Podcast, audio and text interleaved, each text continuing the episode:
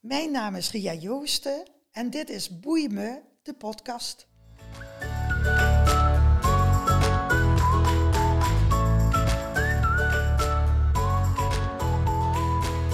Hey, welkom bij Boei me de podcast. Vol inspirerende gasten en inspirerende verhalen. En geloof me, het boeit je.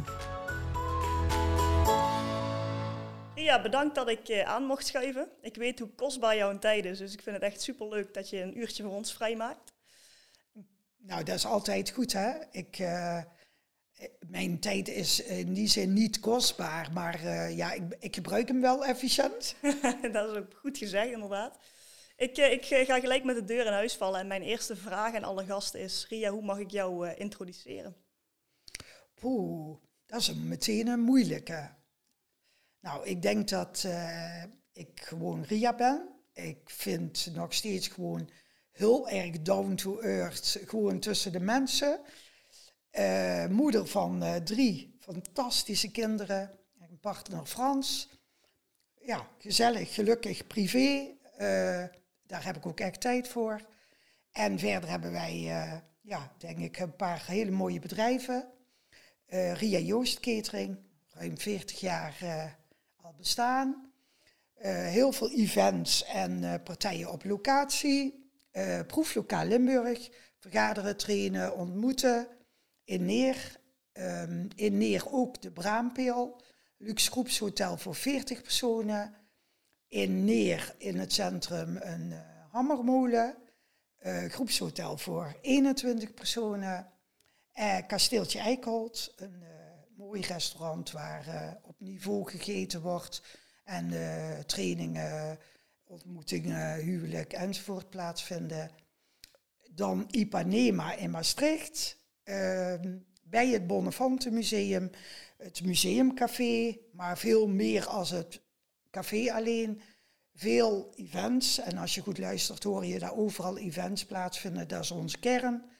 En eh, in juli nieuwe tak van Bommel van Dam in eh, Venlo. En dat schud je zo even uit de mouw. Ja. ja, is opgebouwd in de jaren, dus makkelijk te onthouden. Hè? Ja. En eh, ik ken het bedrijf, ik ken ook de locatie waar we nu zitten in Neer. En dit is echt de thuisbasis, zeg ik dat goed? Ja, hier is echt de thuisbasis. Hier zit eh, de hele grote organisatie, dus HR, financieel, eh, verkoop, eh, de grote keuken, waar ook wel de meeste productie plaatsvindt. Ehm, en hier is ook een echte ontmoeting. Eh, mensen komen hier, ook anderen van andere locaties, één keer per 14 dagen of één keer per maand, of trainingen, of feestje ontmoeten, barbecue. Dus hier is altijd thuis. En eh, het leuke wat ik hier toen opmerkte toen ik hier de allereerste keer binnenkwam, ik vond het best wel spannend, want ik ken jullie van de grote cateringpartijen, zeg maar. Eh, toen ik hier binnenkwam en ik moest mij melden, toen ging ik een kantoortje binnen waar ik denk ik eh, tien young professionals zag zitten. En dat was voor mij een verbazing, want ik denk, zo'n groot bedrijf met zoveel jeugd of young professionals aan de gang, dat, dat moet wel een bewuste keuze van jou zijn om jonge mensen om jou heen te verzamelen. En om die hele rits van bedrijven die je net noemde eh, te laten bloeien. Ja. Nou, kenmerk inderdaad van onze organisatie is dat we veel jonge mensen hebben. Hele goede jonge mensen. Die wij opleiden. Die blijven ook niet altijd jaren. eh, soms vijf, zeven, acht. En dan zijn we ook al heel blij. Want jonge mensen ontwikkelen zich. Leren heel veel hier. Eh, ik denk dat ze hier eh, niet alleen het vak leren. Maar ook sociaal-emotioneel wel een eh, heleboel bagage meenemen. En... ehm, ja, volgens mij zit in mijn kern mensen opleiden. Dat, dat zie je in alles terug. En dat hoef ik ook echt niet allemaal zelf te doen. Maar ook, ja, ik ben ook bezig echt met een opleidingen mee ontwikkelen. Eh, er zit iets in mijn natuur daarvan. En eh, tijdens de laatste MT-meeting zei ik, goh, we hebben eigenlijk toch best wel een oud team. En iedereen begon keihard te lachen. Gemiddelde leeftijd onder de 30. Eh, het MT wat er zit, is, ben ik de oudste en de rest is eh 30 of, of soms zelfs jonger en een paar iets ouder. En ja, eigenlijk ja, is dat opnieuw kijken. Oh, oh ja, ze zijn eigenlijk zo jong. Maar ik vind dat zij fantastisch eh, eh, functioneren. En het gaat erom dat iedereen gaat doen waar die heel goed in is. Want volgens mij is dat de kern. Ja. En ehm, eh, wat je zegt qua opleiden van mensen, eh, ik heb daar al een beetje van mogen proeven, dus daar ben ik ook echt ontzettend dankbaar voor. Maar dat komt natuurlijk niet uit de lucht vallen. Je hebt natuurlijk zelf ook al eens gekeken naar, ehm, eh, maar wat wil ik dan leren, denk ik, en hoe wil ik dat ontwikkelen? Kun je ons meenemen in een korte levensloop van jouw carrière en de leerpunten die daarbij horen? Ehm, ik ben eh, een eh, meisje gewoon uit het meest gewone gezin wat er bestaat. Eh, mijn vader werkte. ehm, ik was een echte dondersteen. Ik wist, ja, ik zocht altijd grenzen op op allerlei gebied. Wilde vrij zijn, keuzes maken. In die zin ook wel anders dan de rest uit het gezin. Als derde, eh, derde meisje van de zes. En ehm, ik heb me op een gegeven moment vrijgevochten en mijn moeder begreep mij. Dus die eh, zei, eh, ik stel voor dat dat wat jij wil, of welke opleiding dat jij wil, dat we dat doen. Dat was in die tijd best wel bijzonder, want eh, je moest binnen je capaciteiten maximaal leren. Dus ik ben naar het mbo gegaan en toen ik het, op het mbo zat, had ik nog wel capaciteiten over. Heb ik tegelijkertijd een koksopleiding gedaan. Want daar had ik ook wel erg veel interesse in. Ben ik gaan werken, jong, eh, maar wilde ook studeren. Dus maakte ik afspraken met de opdrachtgever, toen eh, een zorginstelling, dat ik naar school wilde. Prima, zei men. Dat betekende, schrik niet, ehm, tien dagen werken en één dag naar school. Dus ja, echt, je kunt het je niet voorstellen. Dat was de zesde dag ging je naar school. Dus dat was ja, toen heel normaal. Heb ik eh, twee jaar eh eh, dieetkoksopleiding gedaan en een stuk bedrijfsmanagement. En was ik nog steeds heel erg jong. had ik een leuke baan. Eerst als dieetkok en later als hoofdvoeding. En toen zag ik van ja, in die rol heb ik toch wel echt nog veel meer eh, management eh, ervaring nodig en opleiding. Ben ik naar eh, hoger kader gegaan. En hoe oud was je toen? Beeldvorming? Ik ben begonnen met 17 met werken. Met 17 jaar, ja. Heb ik twee jaar, dus ik was 19 toen ik al een best goede baan had. Ik was 21 toen ik leidinggevende was van ja, een behoorlijke instelling. Ik was gewoon, ja, denk ik, heel erg jong erbij. En toen ging ik inderdaad naar eh, hoger kader. En eh, in die tijd, toen ik daar in die opleiding zat, dacht ik, oh, oh, oh, zit dat zo? Daar leerde je hoe zitten organisaties in elkaar, linking, pin, lijn, organisaties, diagram, allerlei dingen. En in het begin dacht ik, ja, waar hebben ze het over? Eh, ja, ik vond het allemaal theorie. Tot ik in de praktijk merkte, als iemand in mijn lijn over mij heen ging, qua sturing, dacht ja, hier klopt het niet, je zit in mijn lijn. Zo, eh, op die manier eh, vertaalde zich dat wat ik leerde ook in de praktijk. En ik vond dat werk echt superleuk, maar ook wel zwaar. Ik kan me wel herinneren dat we zo'n dag eh, echt samen op pad gingen, Frans en ik, naar Brussel. En dat ik op een gegeven moment op een stoepje ging zitten. Ik zei, Frans, ik stop met werk, ik doe dit niet meer, ik kan dat helemaal niet. Er zijn zulke moeilijke materies. Nou, ik kan dat helemaal niet. En Frans was altijd degene die zei, rustig blijven, morgen ziet het er anders uit. En ik ga het wel weer over. Gewoon goed over nadenken. En dat ging ook over. Want toen had Frans zelf nog, Frans is jouw man, had zelf nog een bedrijf. Zee- Ja. Frans had de zeehouderij. En ehm, ja, er was, wij hadden ieder onze eigen wereld. Ehm, en wat ik nu vertel is mijn professionele werkcarrière in zorg. Dus even, ik zal dat even afmaken. Ik ben eh, dieetkok, hoofdvoeding geworden, hoofdfacilitaire dienst. En later van eh, zes of zeven instellingen hoofdfacilitaire dienst. Ik heb daar gebouwd. Eh, in, in die jaren heb ik ook nog andere opleidingen gedaan. Marketing, eh, de post-HBO, eh, management en facilitaire dienst. Ben naar de universiteit gegaan in Eindhoven, waar ik een specialisatie heb kunnen doen. Dus eigenlijk heb ik 10, 12 jaar fantastisch gewerkt. Dat vond ik echt helemaal te gek. Maar thuis draaide mijn catering, want dat was mijn hobby. Dat koken, eten, organiseren, dat was ook een passie. Dus als ik het even samenvat, was jij naar school aan het gaan, aan het werken, had jouw man een bedrijf, had je al een gezin? Dat kwam pas uh, tien jaar nadat wij getrouwd waren. En dan had je ook nog een hobby met een cateringbedrijf. Ja, ja dat is echt. En hoeveel uren heeft jouw dag? Ja, die had gewoon 24 uur. Maar organiseren, ja, dat was toch wel uh, iets wat ja, ik best wel beheerste. Dus ik had hele goede mensen thuis in dienst. Die, Hans die is er nog. Riek is afgelopen week met pensioen gegaan. Uh, dus die zijn al die jaren gebleven. Uh, Annie is er 25 jaar. Ik heb heel veel goede mensen om me heen gehad. En ik kon ook best wel delegeren. En op mijn werk, maar ook thuis. En uh, wij hadden samen de stelling, als het te veel is, dan moet je kijken wat je nog wel wil doen en wat niet meer.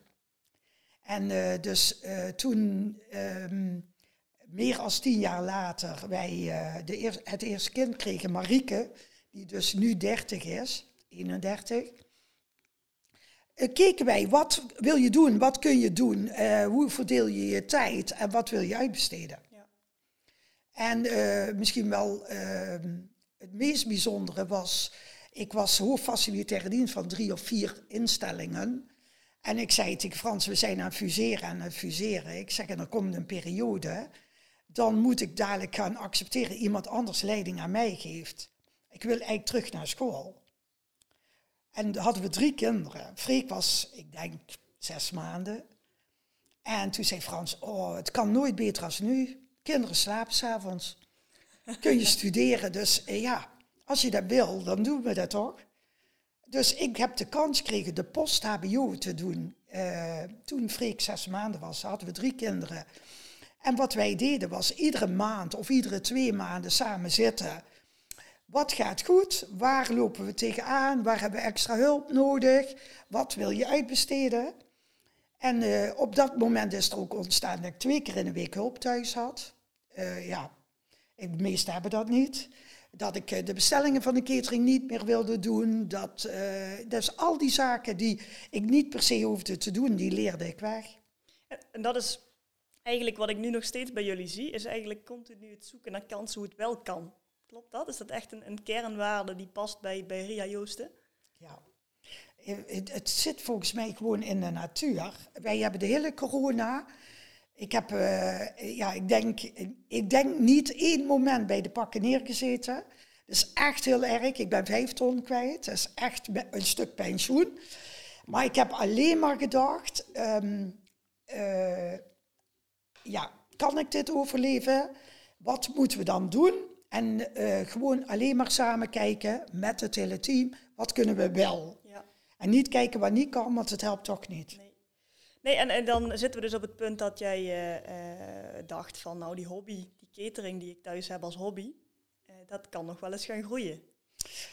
Dat was een eerlijke, is eerlijk, dat was best een moeilijk punt. Ik had een fantastische baan. -hmm. Ik was facilitair manager van de zorgboeg. Dus Deurne, Bakel, Melezen, Liesel, Helmond. ik heb daar de Nieuwehof mogen bouwen. Uh, directeuren waren ziek, dus uh, alles geleerd, bouwcoördinator, weet ik wat allemaal. En uh, ik vond catering mijn hobby.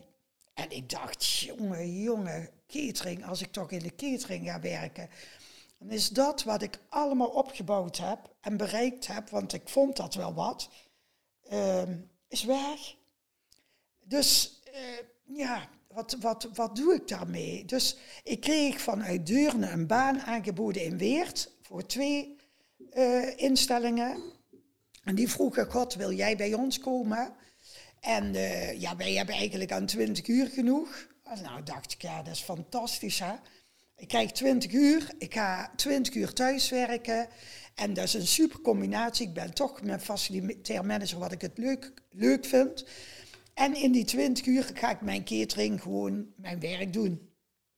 En natuurlijk, wat gebeurt er? In dat jaar dat ik dus 20 uur werkte, draaide mijn bedrijf over de kop. Wij draaiden 1 miljoen. Omzet. Omzet. En dat ging naar 2 miljoen. En dus zei ik tegen Frans, ik hou dat niet vol. Ik kan dat niet, dat is te veel. God, zegt hij, dan zul jij moeten kiezen. Nou, ik zeg, help me eens. Nee, zegt hij, dat ga ik echt nooit doen. Het is jouw leven, jouw keuze. En uh, ja, dat moet je zelf doen. Dus ik heb daar drie maanden over nagedacht. En ik dacht, ja, ik ga naar huis. Ik stop met werken. En voor mij was dat ook echt stoppen met werken, maar wel heel spannend. Ik denk, goh, verdikke, misschien moet ik de afwas wel gaan doen. Potverdorie. Eh, wil, wil ik dat wel? En uh, de dag dat ik thuis kwam, stond er een gieter op de tuintafel. Er zaten twintig briefjes, kaarten in van al mijn personeel. En die zeiden, samen gaan we dit begieten, joh. En uh, er is hier een echte plek voor jou en je bent nodig, welkom. En uh, het meest mooie daarvan is, als het nu kerst is en het is echt heel druk, dan ga ik afwassen. Want de processen zijn zo goed georganiseerd dat ik daar echt niks kan doen. Maak alleen maar chaos als ik ertussen loop, wegblijven. Dus ja, dan help ik bij de afwas. Dan denk ik, dan ja, lever ik ook mijn steentje bij. Ik, uh, ik zit bijna eh, met kippenvel te luisteren, want uh, jij maakt zoiets groots zo klein. en zo voelt dat volgens mij ook echt. en dat proef je ook wel als je hier in het bedrijf loopt. En, ik weet dat, want we hebben het hier al eerder een keer over gehad, de persoonlijke ontwikkeling van jou door de jaren heen ontzettend belangrijk is geweest. En in welke manier heeft dat jou geholpen om ook echt daadwerkelijk, want ik kan me voorstellen als je 19 bent en je draait al zo'n functies mee, dat je denkt, wordt allemaal, maar dat is natuurlijk wel wat, misschien wat vanzelf gegaan. Want je zegt, het zit in mijn natuur om oplossingen te zoeken. Maar welke kansen en mogelijkheden heb je daarbij gezocht om die persoonlijke ontwikkeling wat te versnellen? Ja, ik denk dat, daar, daar ben ik van overtuigd, dat persoonlijke ontwikkeling essentieel is om uh, goed leiding te geven. Ik heb het vanuit natuur gedaan. Ik had natuurlijk mijn opleiding, maar echt persoonlijk zijn die opleidingen niet. Hè? Opleidingen zijn theorieën, hoe zit het systeem in elkaar, wat is Maslow, hoe kijk je naar dingen. Maar echt persoonlijk ja, was dat niet. Dus mijn grootste probleem ontstond toen ik thuis was. Dus gestopt met werken hier een organisatie had die ik dus niet in structuur had gezet zoals ik al mijn andere organisaties vanzelf zette. En dat vond ik de moeilijkste. Ik denk, Jezus, hoe moet ik hier nou een structuur in ingieten? Want iedereen was gelijk, iedereen werkte hier, iedereen deed het goed. Maar je kunt zelf niet alle dagen alles doen. Nee. Dus de grootste uitdaging lag er voor mij in de overgang naar huis gaan thuiswerken, de catering. En uh, toen heb ik hulp gezocht. Ik heb echt, uh, uh, ik ben begonnen met NLP-opleidingen. Daar leerden ze mij vooral te kijken naar alle beelden van de werkelijkheid. En mm -hmm. ja, theoretisch is dat gewoon kei interessant. Maar dan ga je heel goed ook andere extra begrijpen. En van daaruit ben ik ja, verder gaan, vooral met mij persoonlijk ontwikkelen. En dat is allerlei fases hebben daarin gezeten. En uh, een van de fases was bijvoorbeeld dat we een dag oh, in een hutje op de hei hebben gezeten, Frans en ik. Frans, de zeugenhouder die in 2000 gestopt is. Ik, uh, directeur hier van uh, dit bedrijf. En de coach heeft ons meegenomen in hoe zit dat nou bij jullie? Taken, verantwoordelijkheden, respect, hoe kijken jullie daarna? En toen uh, wij weggingen, zei jij, ik heb nog nooit een echtpaar meegemaakt wat zo aanpalend is, respect heeft voor elkaar, elkaar niet kot uitvecht, maar echt de taken vanzelfsprekend verdeeld heeft, niet bij elkaar in het vaarwater zit, wel de discussies voert. En dat was voor ons gewoon een heerlijke dag, wat eigenlijk helder maakte. Zo is het altijd bij ons gegaan. En dat maakte helemaal helder. En de les die daaruit uh, kwam was, weten jullie personeel eigenlijk wel hoe jullie taken verdeeld zijn? Nee, eigenlijk niet. Dat is bij ons vanzelfsprekend. En dat hebben we toen echt verteld. En nu, als iemand op een stoel zit, je hoorde het net, je kwam binnen en iemand heeft dus iemand aangestuurd die die niet aan mocht sturen, Frans of de zoon, dan pakken we dat op en zeggen we afblijven, terug, hok in. Dus het werkt niet. Ja. En dat gaat niet emmeren, rom, rotten, uh, wat dan ook. Meteen aanpakken. En is dat iets wat je wel geleerd hebt door de tijd, door de jaren heen? Want het lijkt me niet heel makkelijk om te zeggen, nee, dit hebben we afgesproken en dit gaan we doen, continu. Ja, het zit toch ook, ook in opleiding, hè? Je eigen grenzen stellen, uh, kijken of de grenzen van de ander bewaakt worden of mensen die zelf stellen, um, duidelijk zijn. Uh, uh, al die thema's wat leadership is, kom je tegen in die opleidingen. Dat, en je gaat reflecteren. Tijdens gesprekken reflecteer je ook. Oh, hoe doe ik dat dan? Ben ik dan wel zuiver? Um, heb ik, kijk ik naar hem, heb ik al een oordeel of neem ik goed waar? Um, ja, en toetsen. Ja, ja, je zegt heel veel in, in heel korte tijd, hè? Heel waardevolle zaken. Um, als ik hier nieuw zou komen werken als jong professional, wat is dan uh, concreet, neem ons mee in een aantal zaken die jij graag wil leren aan, aan, aan jongeren die hier komen. Of jongeren, nou ja, zijn al echt jongvolwassenen eigenlijk. Ja, ja maar jongvolwassenen, zeker. Uh, de grootste uitdaging is dat men het onderschat. Mm -hmm. Het is veel complexer als de meesten weten.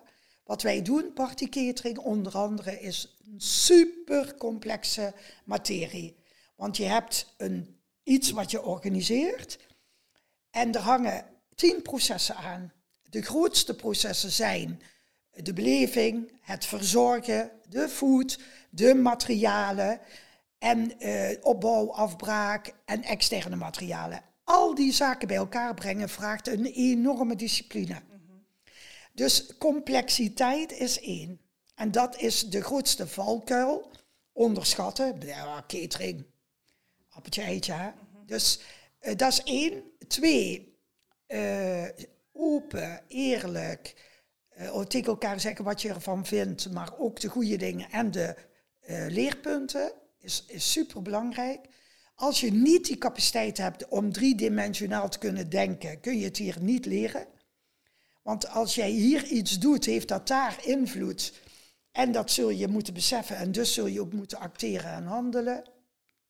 Samenwerken. Eh, het gaat altijd over samen. Ja. Respect voor ieder individu eh, met alle niveaus. Mhm. Er zitten eh, echt hier alle niveaus.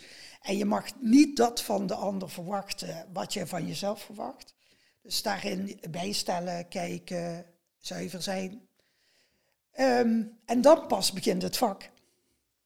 Dus dat is echt het, het fundament van, van het hele bedrijf, die, die vier zaken die je net noemde. Ja, dat denk ik wel. En ik als, als uh, jong professional denk, ja, maar dat kan ik toch heel makkelijk leren. Maar ik denk dat er ook wel een stukje persoonlijkheid is, karakter. En als ik, ik heb dan het geluk dat ik hier wat vaker uh, mag uh, komen. En als ik dan, vanochtend hadden wij een cursus hier en uh, er zitten acht of negen of tien mensen in de zaal. En het zijn tien compleet verschillende jongen. Er zaten wat, wat, wat ouderen uh, bij, maar... Of ouderen, dat klinkt heel erg kort door de 30, bocht. 30, ja. ja, precies. Uh, dat zijn tien totaal verschillende mensen. Ehm, en die zoek jij uit. Die zet jij bij elkaar en heb jij een beeld bij. Ja, ik denk dat jij een kern aansnijdt nu van... Um, wat is het profiel wat iemand moet gaan doen? Uh, hoe past die in onze organisatie? En als je heel goed kijkt, zijn die eigenlijk allemaal, en het is een, een, een woord wat niet zo snel gebruikt wordt, nederig.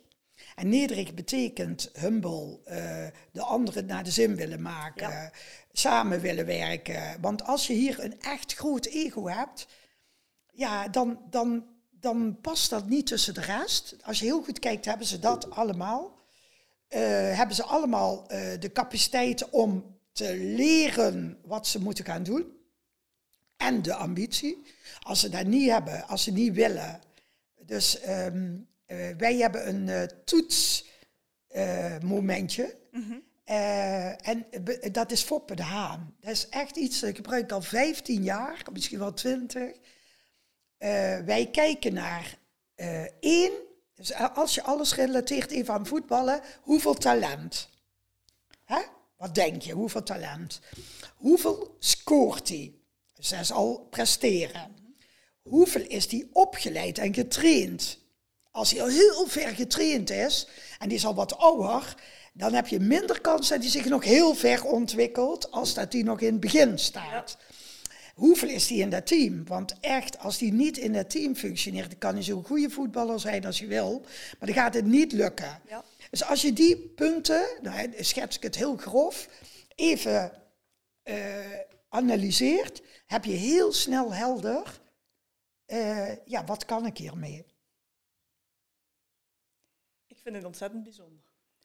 Want ik zag het terug uh, in, in, de, in de mensen die ik hier spreek, en die, als ik een aanvraag doe, wel netjes iedereen dat precies in de proces, procedures laat terugkomen.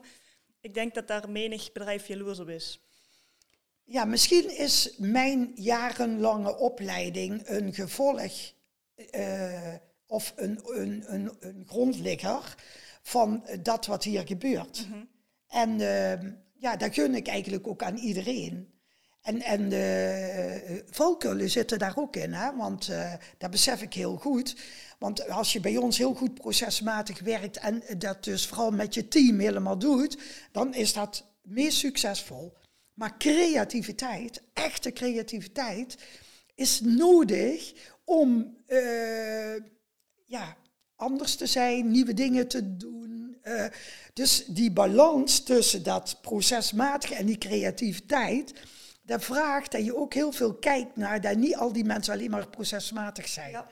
Dus die creatieve moet je erbij zoeken. Ja. En ik heb een voorbeeld, ik heb een zoon, de tweede zoon, die is waanzinnig creatief. Wat hij hier toevoegt, die, die heeft echt zijn eigen bedrijf, maar die komt dan in zo'n eerste fase van corona en die zegt, hé hey jongens, niet te moeilijk doen. Maak nu to go. Maak uh, strawberry ria. Hij bedenkt dat gewoon ter plekke. Hè? Uh, en hij gooit het erin. En uh, wij pakken het op en gaan er aan de slag. Hier voert iedereen daar ook helemaal uit. Ook heel erg creatief. Hè? Mm -hmm. Maar die volgende week zegt hij, morgen moet je wat anders hebben. Dan zeg ik, ho, ho, ho, we hebben net dit proces klaar. Alle afdelingen hebben het geleerd. Laten we het nog even herhalen. Nee, zegt fout, je moet iedere week wat nieuws doen. Snap je? Ja, ja dat, dat zal wel heel wat gezellige avondeettijden opbrengen. Nee, dat doen we niet s'avonds aan tafel. Dat doen we hier in het bedrijf. En s'avonds hebben we het daar niet over. Nee. Dat maar uh, dat creatieve, dat heb je in je organisatie ook echt nodig. En gelukkig heb ik hier gestructureerde creatievelingen. Dat is helemaal geweldig. Dan hebben dat vind ze... ik een hele mooie functieomschrijving. Ja, ik heb er twee. Maar die zijn zeer zeldzaam. Dat bestaat bijna niet. Als je heel goed kijkt naar typologie van mensen, dat creatieve en echt gestructureerd hebben die bijna niet. Nee, ik ken dat. Herken je dat? ik ben niet zo gestructureerd, ik ben wel creatief. Maar dat is inderdaad een... Uh, ik heb uh, Nick Geurts ge geïnterviewd in mijn eerste podcast en die zei... Chaos brengt mij creativiteit. En dat vond ik wel een hele mooie. Ik denk, ja. hm, dat herken ik ook. Maar goed, dat is natuurlijk voor iedereen anders. Um, wat zou jij nog graag willen leren? Oh, dat is een moeilijke, hè? Ja, eigenlijk vind ik dat ik iedere dag leer. En uh, dat alle situaties mij weer iets nieuws leren. um, wat ik in corona vooral geleerd heb, is uh, dat ik echt misbaar ben. Uh, dat vind ik super fijn om te ervaren. Um, dat ik steeds meer alleen strategisch bezig ben of echt een leuke klus bedenken. Um, ja, het, ik denk dat het leren zit in toch zorgen dat iedereen zelf heel goed kan uh, functioneren. Ruimte geven, goed aanvoelen wat willen ze, hoe ver willen die zich ontwikkelen. En zorgen dat dat aanbod blijft kloppen. Mm -hmm. daar, volgens mij zit daar mijn grote kern. En loslaten, ja, dat kan ik wel. Ja. En uh, we hebben natuurlijk een hartstikke naar jaar achter de rug met de hele coronatoestanden. Wat doet Ria Joost de Catering over vijf jaar nog wel en nog wat niet meer? Ja, dat heeft corona echt helemaal helder gemaakt. Um, ik moet zeggen, wij missen de partycatering enorm. Als je ziet wat hier de laatste 14 dagen gebeurde, hoe blij men terugkwam van dat men weer bezig was. Hoe blij ze waren in de keuken met wat ze maakten. Hoe blij ik ben met de resultaten. Ik heb zondag hier gegeten. Ik dacht, Jezus, wauw. Dit hebben ze dus hier. Dit kunnen ze. Eh, wij zijn partyketeraar en wij blijven echte partyketeraar. Uh, alle zaken die wij erbij hebben, die sluiten naadloos aan, want ook daar is partykatering. En dus daar is ook altijd criteria voor, wat doen we? We hebben afgelopen half jaar echt een winkel gehad. Gelukkig, want die hebben ons wel een stuk gered. Vers in Heldenpanningen. Die productie loopt door, maar die hebben we gekaderd tot zover. Want wij willen blijven partycatering uh, ja. uh, organiseren.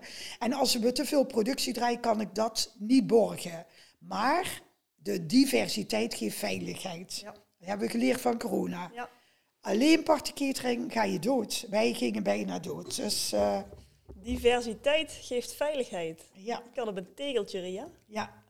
Wij hebben wel eens gezegd dat we tegeltjes gelaten maken met uh, echte uitspraken. Um, ja, eh, dus wij weten eigenlijk heel goed wie we zijn. Ik heb daar ook getoetst met Freek, de opvolger. Uh, Freek, hoe kijk jij daarnaar? Uh, wil jij het anders? Dan zal ik mij misschien anders opstellen. Mm -hmm. Maar uh, ja, wij zien gewoon dat wij echt blij worden van partycatering. En partycatering is gewoon echt een partij organiseren, zorgen dat het klopt, proberen te verrassen, het heel goed doen, heel goede hospitality. En lekker, echt lekkere hapjes eten, wat dan ook. En ja, dat hoort bij ons. En als ik hier binnenkom, eh, wat ik net al zei, kom je heel veel young professionals tegen. Maar wat ik hier altijd ook merk, en dat vind ik heel bijzonder, dat iedereen echt iets aan het doen is waar ze echt in hun kracht staan. En dat zegt voor mij wel dat dat dus kan. Je kan groeien naar een plek, naar een beroep, naar een functie waar je echt. Ik heb gezien afgelopen jaren dat heel veel mensen opgeleid zijn omdat men op dat moment een keuze moest maken en die opleiding leuk leek mhm. en men dacht dat het wel leuk was, die, die baan. Ik denk dat te weinig mensen zich realiseren, wat moet ik dan gaan doen met dat wat ik ga leren? Ik zie echt heel veel mensen die totaal anders um, in hun andere dingen in hun talent hebben zitten en waar ze blij van worden. Heel veel worden er hier aangenomen. En in een half jaar blijkt dat de kern, wat ze eigenlijk moesten doen, niet de kern is van wat ze eigenlijk, waar ze voor aangenomen zijn. En dan proberen we altijd te schuiven. Soms lastiger, eh, soms heel makkelijk. Doordat we jonge professionals hebben, hebben we ook verloop. En daar waar ruimte ontstaat, laten we dat altijd gebeuren. Ja. Maar ik zie heel veel mensen die voor marketing, communicatie opgeleid worden, die bijvoorbeeld social media eigenlijk later helemaal niet meer leuk vinden. Dan moet je ze daar ook niet laten doen. Nee. Als je opgeleid bent voor communicatie, alleen communicatie, dat heb je maar in een paar bedrijven. En als je niet ingebed bent in de hele organisatie, is het ook veel moeilijker om te schrijven. Ja. Ehm, als je opgeleid bent voor uh, uh, kok of, of uh, niveau 4 of wat dan ook, dan komt er een moment dat leiderschap nog belangrijker is als hoe goed je kunt koken. Mm -hmm. En als je dan een chef hebt die zegt, um, ik word echt blij van dat leiderschap en het stuk keuken en dat wat erbij is, ja, dat past gewoon helemaal, dan zie je dat die doorgroeien. En zo zie je dat op echt heel veel vlakken. Ja, ja het is echt uh, een uh, bewustwording. Hier. Ja, het is bewustwording. Maar ik denk als heel veel bedrijven wat minder strak in de functies zou, zouden zitten, dat ze meer gebruik kunnen maken van talent van mensen. Want het gaat erom om te kijken waar wordt iemand blij van. Flexibele kaders opstellen. Ja. ja. ja. Ria, we kunnen volgens mij nog een uur hierover praten. ja. ja. Um, ik heb de, de, de, de intentie om, uh, wanneer ik hier de deur uitloop, straks uh, mijn gasten iets beter te kennen. Ik denk dat ik dat alweer een stukje beter heb. Uh, maar ik heb er een aantal tegenstellingen die ik jou eigenlijk voor wil leggen. En dan mag je er eentje van kiezen. Diepe zucht, Ria. er gaat niks engs komen. Maandagmorgen of vrijdagmiddag? Nou, allebei, want maandagmorgen begin ik met frisse zin aan mijn week. En vrijdagmiddag hebben we hier de borrel. Dus vind ik ook altijd heel gezellig. Ja, kan ik me voorstellen. Ja. Um, kamperen of een hotel? Oh, absoluut hotel. Ik hou helemaal niet van kamperen, want ik vind gras, zand in de tent. Uh, oh nee, dat vind ik verschrikkelijk. En dan zitten we hier toch echt in de natuur. Want ja, we horen een pauw op de achtergrond. Ik denk dat onze gasten die ook wel kunnen horen. Ja, ik hou echt van de natuur, naar buiten. Ik loop iedere week in het bos. Maar ik hou niet van zand. Ik, als ik op het strand ben, word ik gek van mijn zand rondom me heen. dan wil ik douchen. Ja, ja. ja mooi. Um, dorp of stad? Dorp, zeker. Uh, mensen die elkaar kennen. Um, wij hebben ons eigen huis, wat we in 1983 uh, herbouwd hebben, teruggekocht. Daar uh, gaan we weer wonen, zodat Freek ook hier op bedrijf kan wonen. En uh, wij zijn er aan het verbouwen en de mensen lopen daar buiten. hey, hallo, hoe is het? Al die mensen die ik ken, waar ook tijd voor elkaar is, uh, ruimte in de tuin. Uh, en daar waar we nu wonen, is het afstand zo groot van de buren, ja. dat je elkaar misschien één of twee keer per jaar ziet. Ja, ja. Dus, maar het dorp, de rand van het dorp, ja, dat is mijn utopie. Wintersport of zonvakantie? Eigenlijk allebei niet. Geen vakantie? Jawel, echt vakantie. Ik hou van Italië. Mm waarom? Het goede leven, rust, heerlijk eten. Mangiano, het, het, het, het, het relaxte, daar genieten van al die mooi verzorgde mensen die er prachtig uitzien. De kinderen die leren heel gezond en lekker te eten. Uh, ja, Salone d'Augusta daar waar het gebeurt met alles wat uh, eigenlijk slowfood is, ja, dat is mijn land. Ik, ik, ik hoor het, ik merk het, ik wil er zelf nu wel bijna naartoe. En dan is de volgende vraag wel een inkoppertje. Uit eten of thuis koken? Uh, vroeger kookte ik. Ik zal heel eerlijk zeggen, hele lange tijd heeft Frans natuurlijk gedaan. Want die heeft heel goed voor de kinderen en het gezin gezorgd. En dat dat ook bleef matchen. Uh, de laatste jaren kook ik weer thuis. Ik, ben, uh, ik ik heb echt heel veel gekookt. En daar een had ik een passie voor. Ik, uh, ik eet liever uit. In Italië? Uh, maar ook hier. Want uh, mijn motto is, aan tafel gebeurt het. Omdat je, als je gewoon zit, samen eet. op maandag komt Matthijs en de vriendin vaak. Zitten met z'n allen en daar, daar deel je een aantal uren van alles. Dus aan tafel gebeurt het. Ook als je uit gaat eten. En de, misschien mis ik dat wel het ergste in corona. Om gewoon onbezonnen gewoon te, op je op te pakken en uh, lekker wat te eten en bij te praten en uh, genieten. genieten. Geld maakt gelukkig of geld maakt ongelukkig? Ik denk allebei niet. Ik denk dat het uh, maar net is hoe ga je ermee om. als je geen geld hebt kun je niet ondernemen, kun je niet uh, dat uh, lekkere restaurantje boeken kun je niet naar Italië op vakantie. Dus je hebt geld nodig om uh, gewoon leuke dingen te doen, maar ook om te ondernemen. Als ik niet goed gespaard had, hadden we er hier heel anders voor gezeten nou, ja. in de corona. Dus ik ben blij dat ik ja, eigenlijk heel gewoon zuinig ben opgevoed. En ja, en moet ik eerlijk zeggen, ja, ik heb vijf ton verloren, maar of ik daar nou ongelukkiger van word, denk van niet. Toekomst of in het nu? In het nu, iedere dag. Ja, toekomst. Ik zou niet weten wat er gebeurt. Uh, Frans is fysiek oh, niet uh, heel sterk. En uh, ja, ik denk iedere dag is er één en iedere dag is belangrijk. En genieten we ook van wat we doen dan ga ik hem nog afsluiten met een, een open vraag, want dat heb ik vanmorgen geleerd dat ik dat moest doen. Uh, als je één ding mocht veranderen, wat zou je dan veranderen?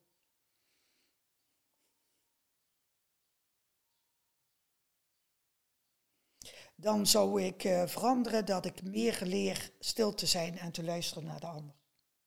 Dat is een hele mooie. Ik, uh, ik weet na dit, uh, deze drie kwartier weer waarom ik het zo leuk vind om, uh, om met jou te spreken. Want wat ik ook vraag, er komt overal wel een antwoord waar heel veel passie in zit terug. En dat, dat siert jou, dat siert het bedrijf. En ik, ik hoop dat we een, een jong professional hebben geïnspireerd nu. Dat alles wat je wil, toch wel vanuit die passie moet komen. En dat is eigenlijk volgens mij hoe dat ik dit hele gesprek kan samenvatten. Heb je daar nog een aanvulling op? Nou, ik zou het super leuk vinden als we het voor elkaar zouden krijgen om die jong professionals te ontmoeten mm bij uh, het WK tweespannen. Ja, in Kronenberg. In Kronenberg. Uh, Jikke en ik zijn uh, aan nadenken hoe zouden we ze kunnen bereiken. Waar zouden zij interesse in hebben? Hoe zouden we hun kunnen ja, inspireren? Uh, met eventueel een hele mooie spreker of met uh, ja, een heel goed thema waar je, wat je met elkaar deelt. En uh, ja, ik geniet ervan als andere mensen genieten of geïnspireerd raken. En waarschijnlijk zit daar ook mijn passie. Ik, ik vind iedere dag echt heel leuk. Ik heb het in de gaten. Ja. Het twinkelt ook, dat is heel mooi. Ik vind het wel een goede toevoeging inderdaad. En als ik het goed zeg, is dat het laatste weekend of het eerste weekend van september gaat... Oh, dat moet ik kijken uit mijn hoofd weten, ja? Volgens mij is dat rond de 14, 15, 16 september uit mijn hoofd snel klikken. Wij hebben 8 tot en met 12 september een wereldkampioenschap okay. mennen. Eerder. En op, uh, op vrijdag de 10e willen wij inderdaad een, eh, een heel interessant uh, Young Professional event uh, samen neer gaan zetten. En het is een hele goede dat je die aanhaalt. Ik, dus mocht iemand daar inderdaad ideeën over hebben, over een spreker of over de invulling, dan is, dat, is dat meer dan welkom. Ja, dat zou super zijn. Ria, hebben we iets niet gezegd wat we wel hadden moeten zeggen? Oh, nog honderd dingen. maar ja, ik denk dat jonge mensen zich, dat die zich ook veilig moeten voelen en durven. Mm-hmm. want ondernemen als jong professional, ja, dat is niet altijd makkelijk. Keuzes maken is niet makkelijk. Investeren, durf je te springen, is niet makkelijk dat zijn echt hele grote leermomenten. Ja. Dus ik heb heel veel verteld over ja, hoe ik naar dingen kijk. Maar het echte ondernemen, ja, daar kom je wel wat tegen. Iedere keer keuzes. Ja. En ik heb uh, vanmorgen toevallig een, een, een, verhaal gehoord over de eerste vaatwasser die jij kocht. Ja, uh, dat was echt een hele grote stap. Een hele grote stap. Um, uh, wij hadden het partycatering. En we hadden de garage, gelukkig een hele grote garage verbouwd. En ehm, eh, die was heel snel al te klein. Want je hebt net gehoord hoe die omzet verliep. En toen hebben we units eraan gezet. En ik had echt een nieuwe vaatwasser nodig. En toen zei Frans, Ria, nou kun je kiezen. Je gaat echt fatsoenlijk ondernemen en investeert fatsoenlijk. Of anders moet je gewoon stoppen. Dus die vaatwasser kostte ja, zes of achtduizend gulden, zeker. Misschien wel meer. En ik dacht, oh, dat is bijna drama. Zoveel geld investeren. En die vaatwasser hebben wij neergezet in die unit. En die heeft hier tot, ik denk maar twee jaar geleden, goed gefunctioneerd. Daarmee leer je dat je gewoon voor mij toen hele grote sprongen moet maken. En ook niet bang zijn. Dat heb ik daarvan geleerd. En ik heb dus net, ondanks dat corona is, een zwembad gekocht. Want ik wil graag, mensen willen in Nederland blijven, willen uh, goede vakantie. Nou, wat hoort daarbij? Waar zoek ik zelf op als ik een huis zoek? Dan wil ik eigenlijk ook een zwembad. Dus wij hebben nu een grote stap gemaakt. We hebben een zwembad gekocht. Voor onze gasten. Ik denk dat we hem hier ook mee gaan afsluiten. Ja. Grote stappen zetten uh, en dat uiteindelijk loont dat zich. Ja. Kansen zien was de mooie uitspraak. Eh, diversiteit geeft veiligheid. Ja, ontzettend bedankt. En ik hoop dat ik hier nog vaak eh, over de vloer mag komen. Jij dankjewel. En veel succes met de jonge professionals. Komt helemaal goed. Super belangrijk. Dankjewel.